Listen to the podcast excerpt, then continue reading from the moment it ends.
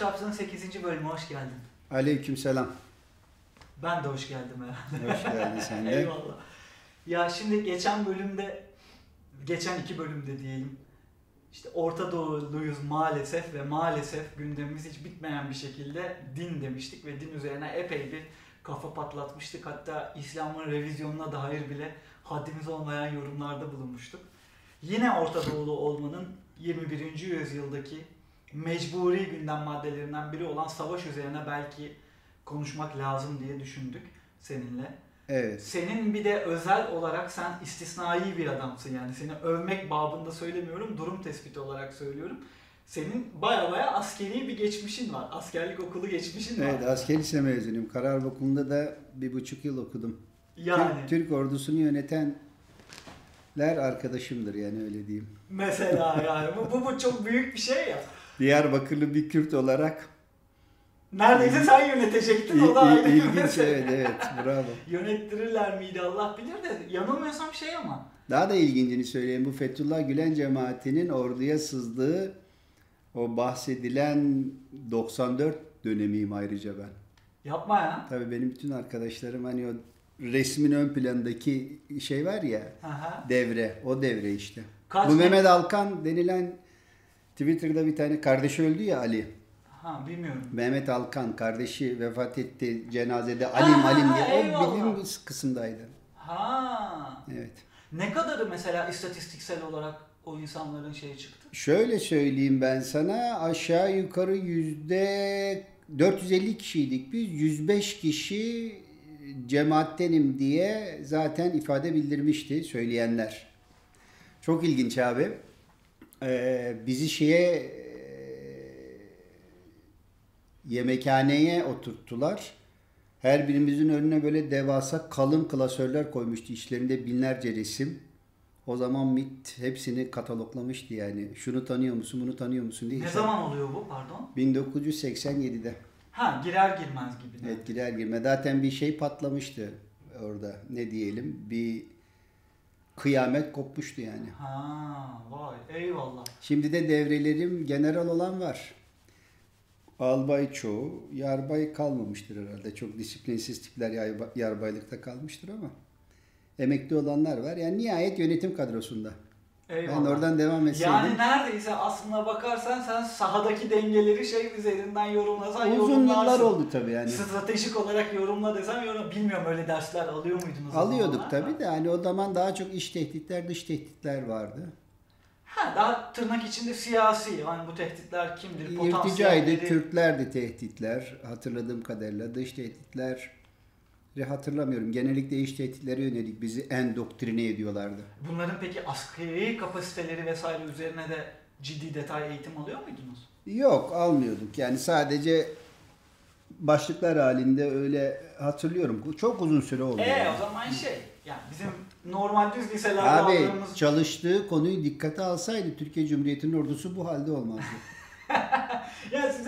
şeyi söyleyecektim gerçekten de sen de onu söylemiş oldun. Bizim milli güvenlik derslerimiz vardı. Siz onun bir tık üstüne almışsınız o zaman. Hayır zaten dört tane kuvvet komutanı, bir tane genelkurmay başkanı, öbür taraftan cumhurbaşkanı bunların her birinin dörder tane yaveri var. Hepsi cemaatten de abi.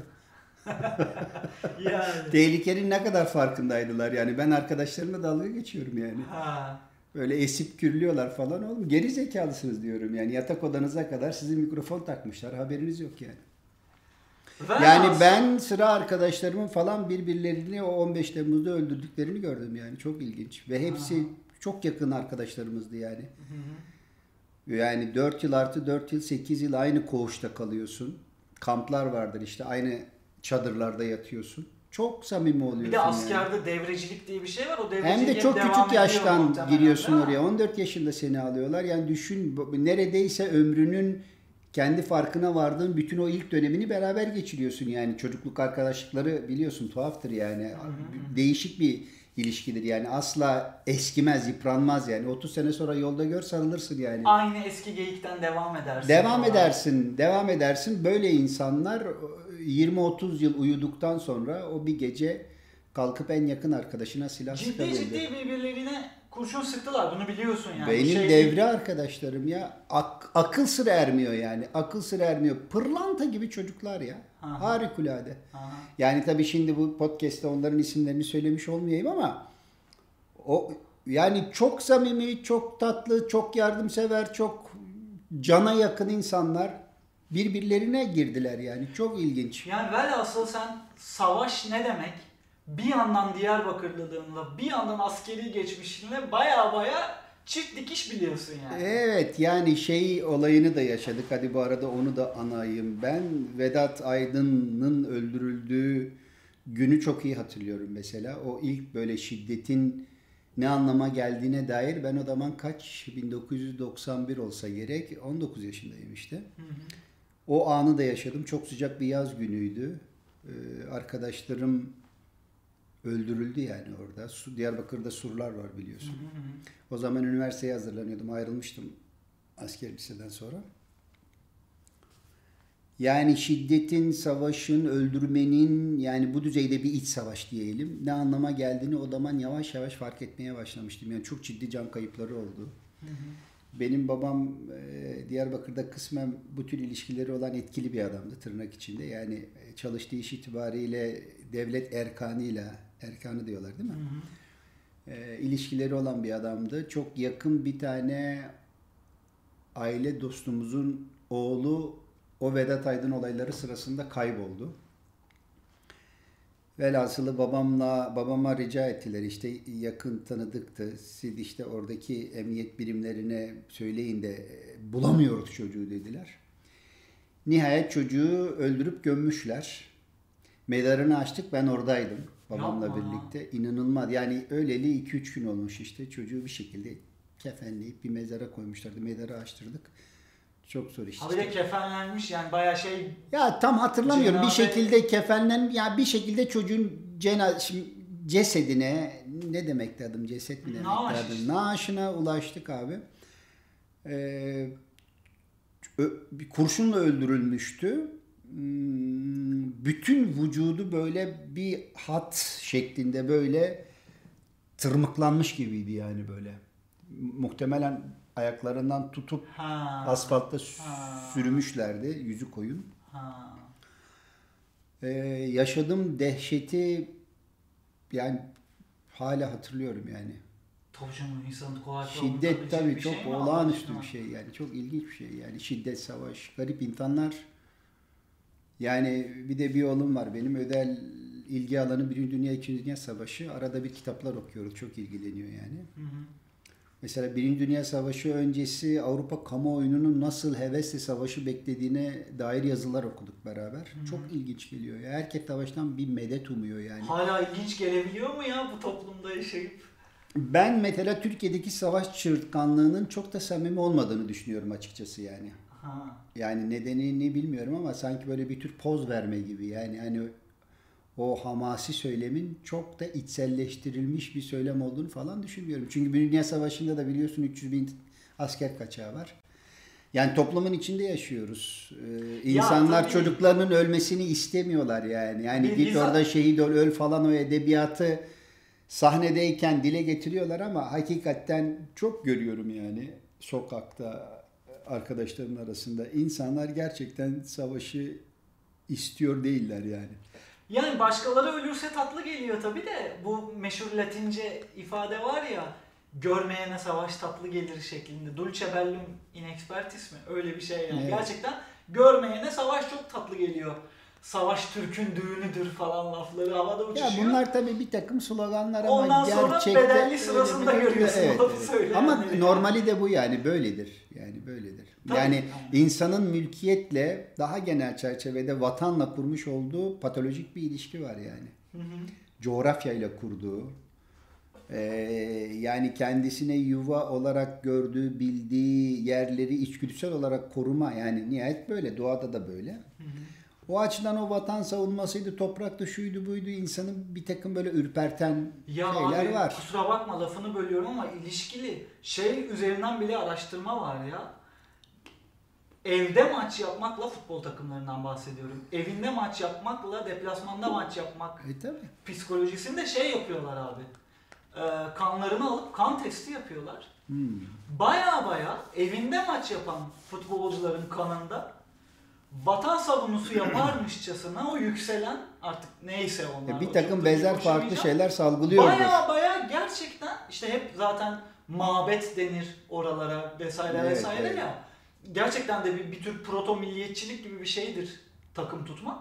Gerçekten o futbolcularda o şey yakalanıyorsa yani maç yapıyorsun lan Eniko'nda ne yapıyorsun yani ama onda bile bir vatan savunması hissi hormonal olarak yakalanıyorsa gerçekten insanların vatanseverliği, vatanperverliği veya her neyse faşizminde gerçekten de biyolojik bir şeylerin harekete Ya, geçtiği i- i- zaten i- muhakkak. Zaten bu böyle faşist hareketlerin savaşı makul bir ilerleme yolu olarak gören insanların eee, imkanı tam dediğin yerden yani halkla bu diyalog üzerinden çok doğru bir temas yakalıyorlar yani.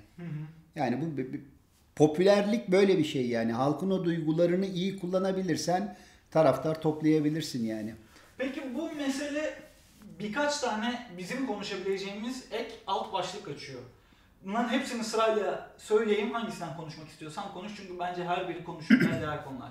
Bir, yaşadığın bu deneyimler, senin kendi tecrüben, Diyarbakırlı olmak ve askeri geçmiş edebiyatını nasıl etkiliyor? Hemen cevap verme, diğer soruları da dinle. Bu önemli İki, buna cevap vereceğim. Dur Bunu tamam unutturma cebe, ama. At cebe.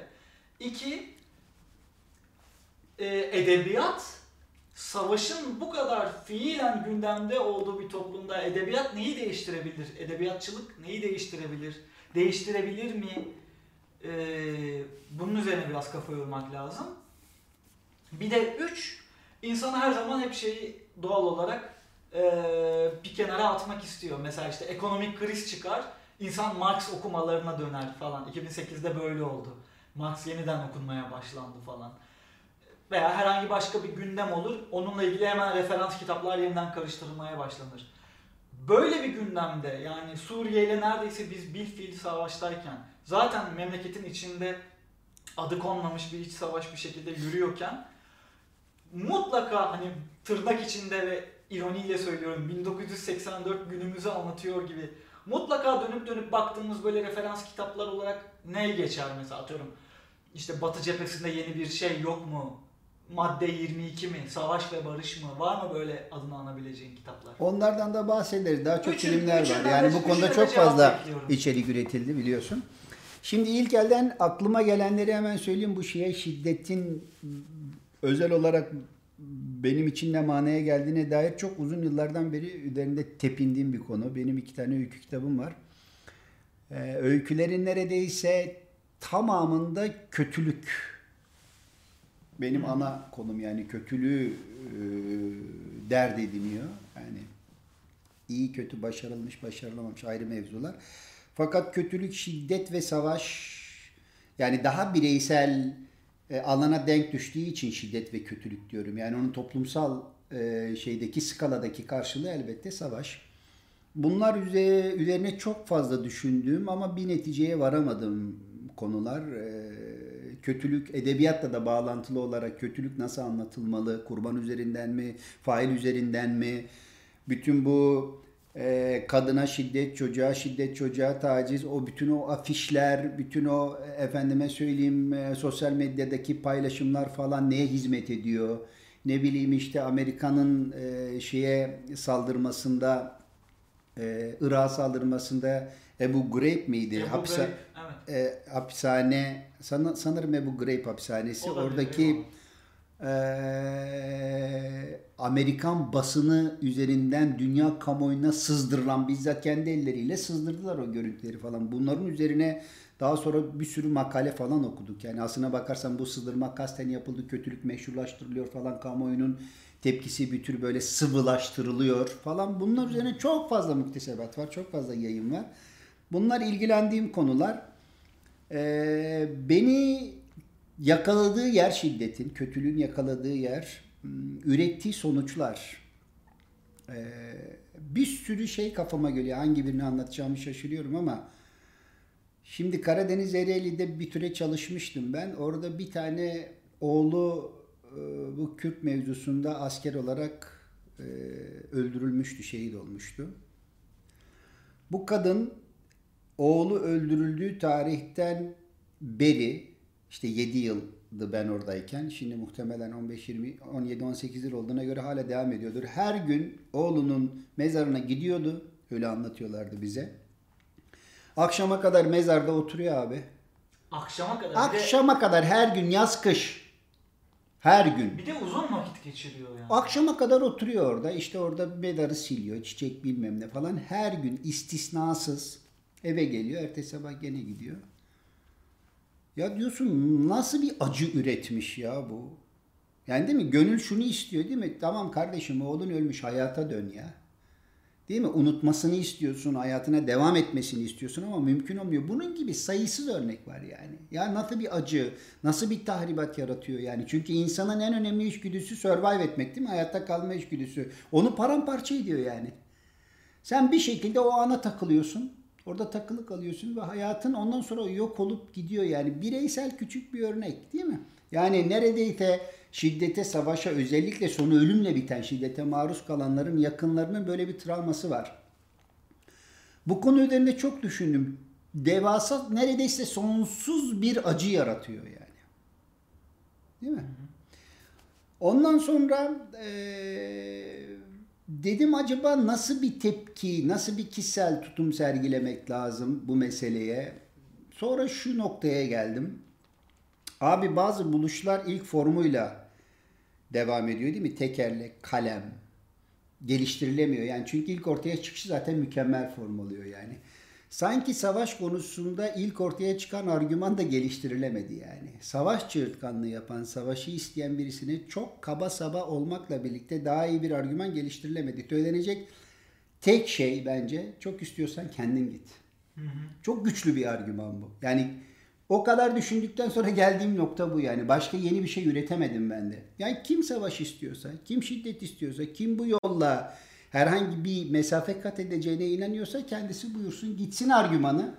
Bence bu şiddet ve savaşa karşı verilecek en doğru argüman. Çünkü en temelde doğanın işleyişi şiddetle mümkün değil mi?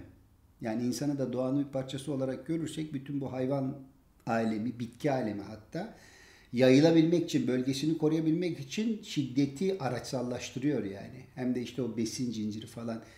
Dayanışma falan doğada istisnadır. Evet yani yaban köpekleri kreş kurur, birbirlerinin çocuklarına bakarlar. Bazen türler arası da dayanışma olur. Köpeğin birisi kediye yardım eder.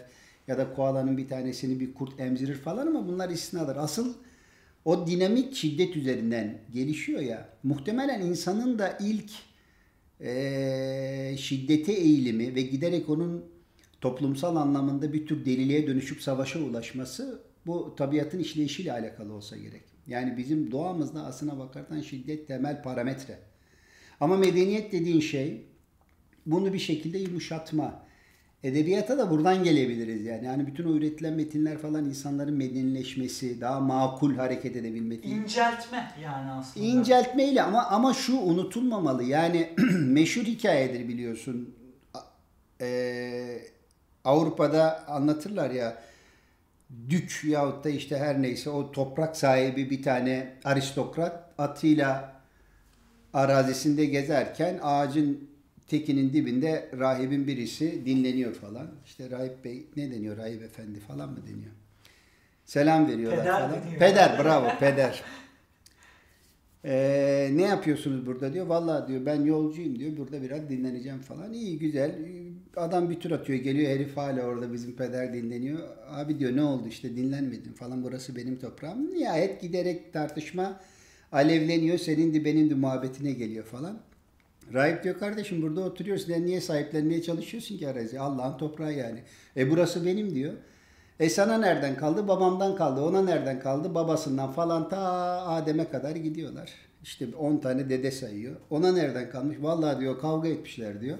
Benim dedem bu arazi üstünde hak iddia eden herifi yemiş onun olmuş. O zaman rahip diyor o zaman biz de kavga edeceğiz. Kim galip çıkarsa toprak onun olacak. Yani nihayetinde mülkiyetin e, şiddetle çözülebileceğine dair bizim bir kodumuz var değil mi? Hı hı. En basitinden yani. Bu 1915 olaylarında Rıza Nur'un e, Ermeni soykırımı ile ilgili söylediklerinden de dehşet ürpertici nokta budur yani. Kavga ettik yenildiler kardeşim diyor. Yani çok basit. Ne tazminatından bahsediyorsunuz diyor yani.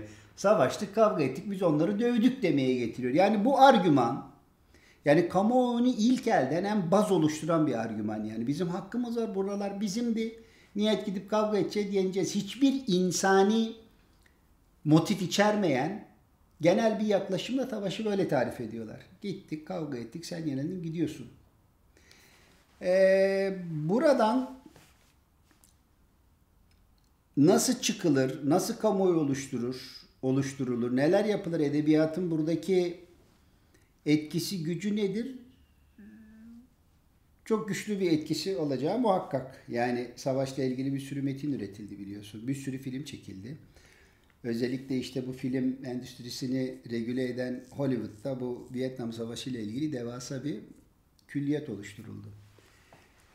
Yani buradan belki mücadele etmek lazım ama o kadar da kolay bir iş değildir. Yani savaş isteyen toplumların kamuoyu, kamuoyunun e, doğru bir noktaya çekilmesi o kadar da kolay bir iş değil. Yani savaş güçlü bir duygu. İnsanlar savaşarak bir takım meselelerin hallolacağına inanıyorlar ki tarihte bunun örneği var. Yani Cengiz Han'ın ya da Timur'un bütün o veyahut da işte göçler e, akınlarının falan varlığı aslına bakarsan medeniyetin önünü açtığına dair bir sürü argüman da var. Ya onu bırak haklı savaş, haksız savaş diye şeyler de var. Yani şimdi senin üzerinde haksız bir tahakküm varsa sen onu tatlı dille ikna edemeyebiliyorsun ve ya şiddete çok dışında muğlak ama biliyorsun onun çok, yani. Doğru, doğru. İşte edebiyat burada devreye girebilir. O muğlaklığı berraklaştırmak için devreye girebilir.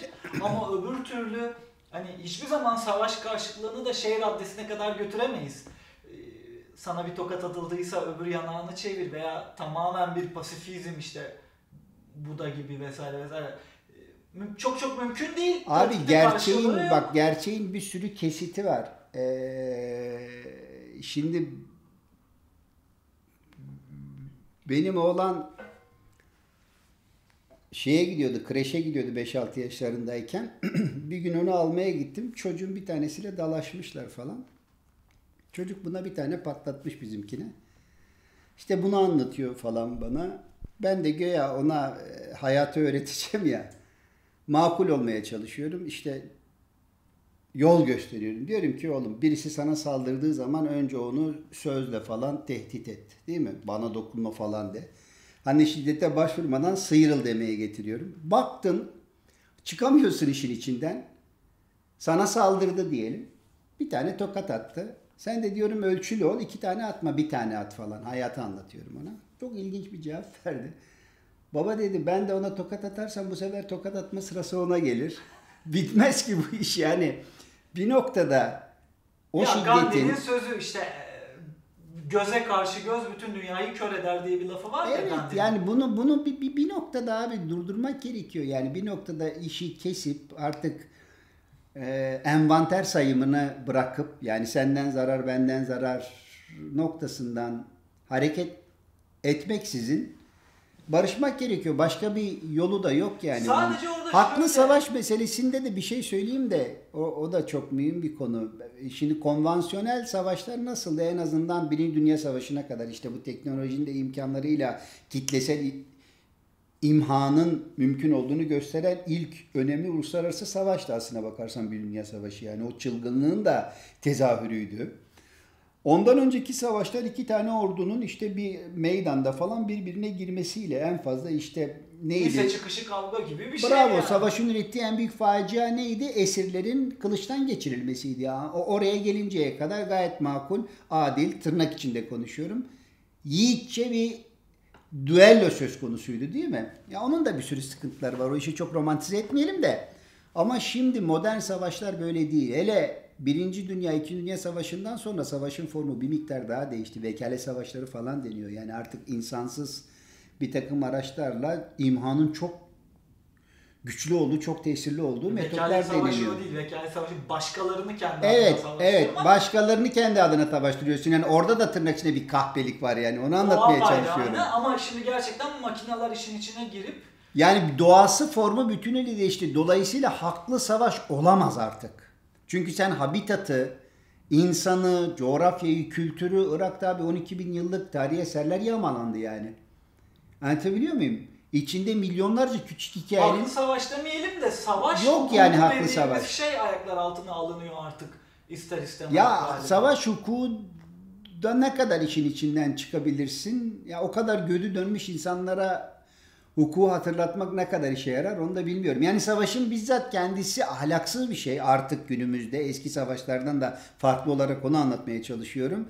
Yani bunu bir takım hukuki çerçeveyle regüle etmek imkansız. Kendisi e, bütünüyle gayri ahlaki bir şey yani. Yani formuna dikkat edersen adam bir düğmeye basıyor bütün oradaki habitatı falan yok ediyor yani.